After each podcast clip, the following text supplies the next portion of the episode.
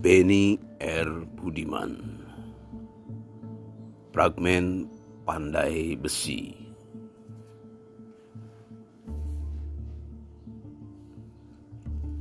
Lubang angin menempa kering batok kelapa sebagai bara yang nyala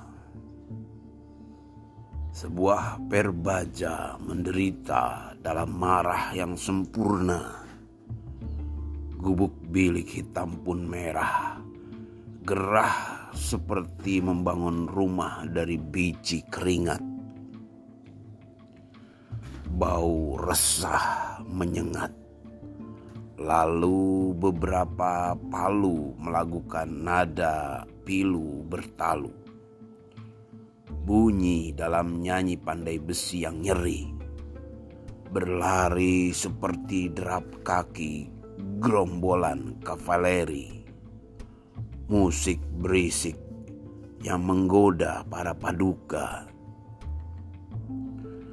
Dalam tempat yang sendiri, para pandai besi seperti geram yang bernyanyi.